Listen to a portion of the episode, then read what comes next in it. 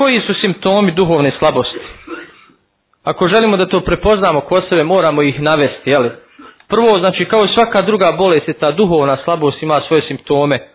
Prvi simptom koji je prvi, prvi se pojavljuje jeste lijenost u ibadetima i dobrim djelima, općenito.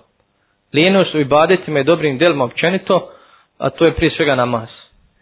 Kada mi je teško namaz obaviti, kad se vučemo na namaz, gonimo sami sebe, onda je to loš znak. To su znakovi već ovaj, te duhovne, duhovne bolesti ili duhovne slabosti. Tako isto za post.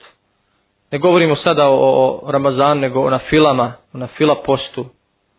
Mi su to i zaboravili, ne znamo gdje se nalazi u knjigama. A, da, o sadaki. Ne možemo sebe natjerati da danemo sadaku. Tvrda nam nekako ruka, jel a džep dubok Isto tako pomoć drugima, ne možemo se natjerati da drugima pomognemo. Sve smo, sve smo počeli gledati kroz ovo dunjalučje koristi interes. Drugo, neosjećanje slasti pri činjenju dobra.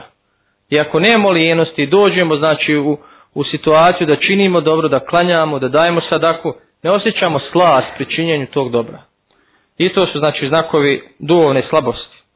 Treće je druženje sa zlim i pokvarenim mislima. To jeste, puna nam je glava nekakvih šupljih misli i pokvarenih misli i to je postala naša svakodnevnica.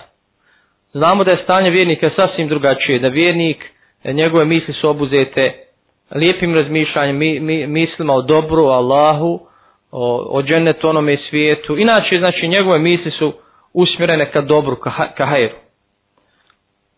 Četvrti simptom je opći nemar, odgađanje dobra i nada u dug život. Peti je briga o tuđim mahanama, o sve posljedice koja vuku jedna drugu. Kad, sve, kad nas sve ovo zadesi, onda umjesto se brinemo o našim problemima, našoj bolesti, mi se brinemo o tuđim problemima. Pa ova je ovaka, ova je onaka, svidi ovoga, i svidi onoga. Jer čuo šta se s ovim desilo i tako dalje. Ne s ciljem da mu pomognemo, ne s ciljem da se mi naslađujemo njegovim njegovim ovaj, musibetom. Drago nam što je, što je ovako, što mu je s ovo ili ono desilo. Dalje, šesto, mnoštvo ovo svjetskih želja. Takav je insan.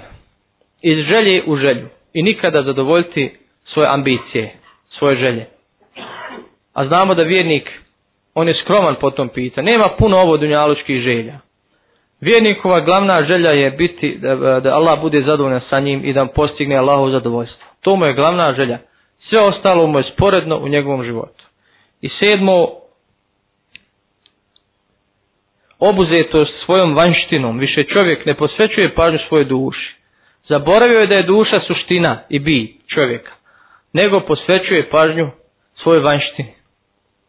Da izgledam lijep, da izgledam lijepo obučen, nije to problem. I poslanik Ali Salatu je preporučio to da čovjek bude lijep, ali ne da to bude njegova preokupacija, da pridaje više pažnju tome nego unutrašnjoj čistoći. Da obuče svoju dušu, znači da, da obuče svoju dušu takvalukom, e, strpljivošću i drugim plemenitim osobinama.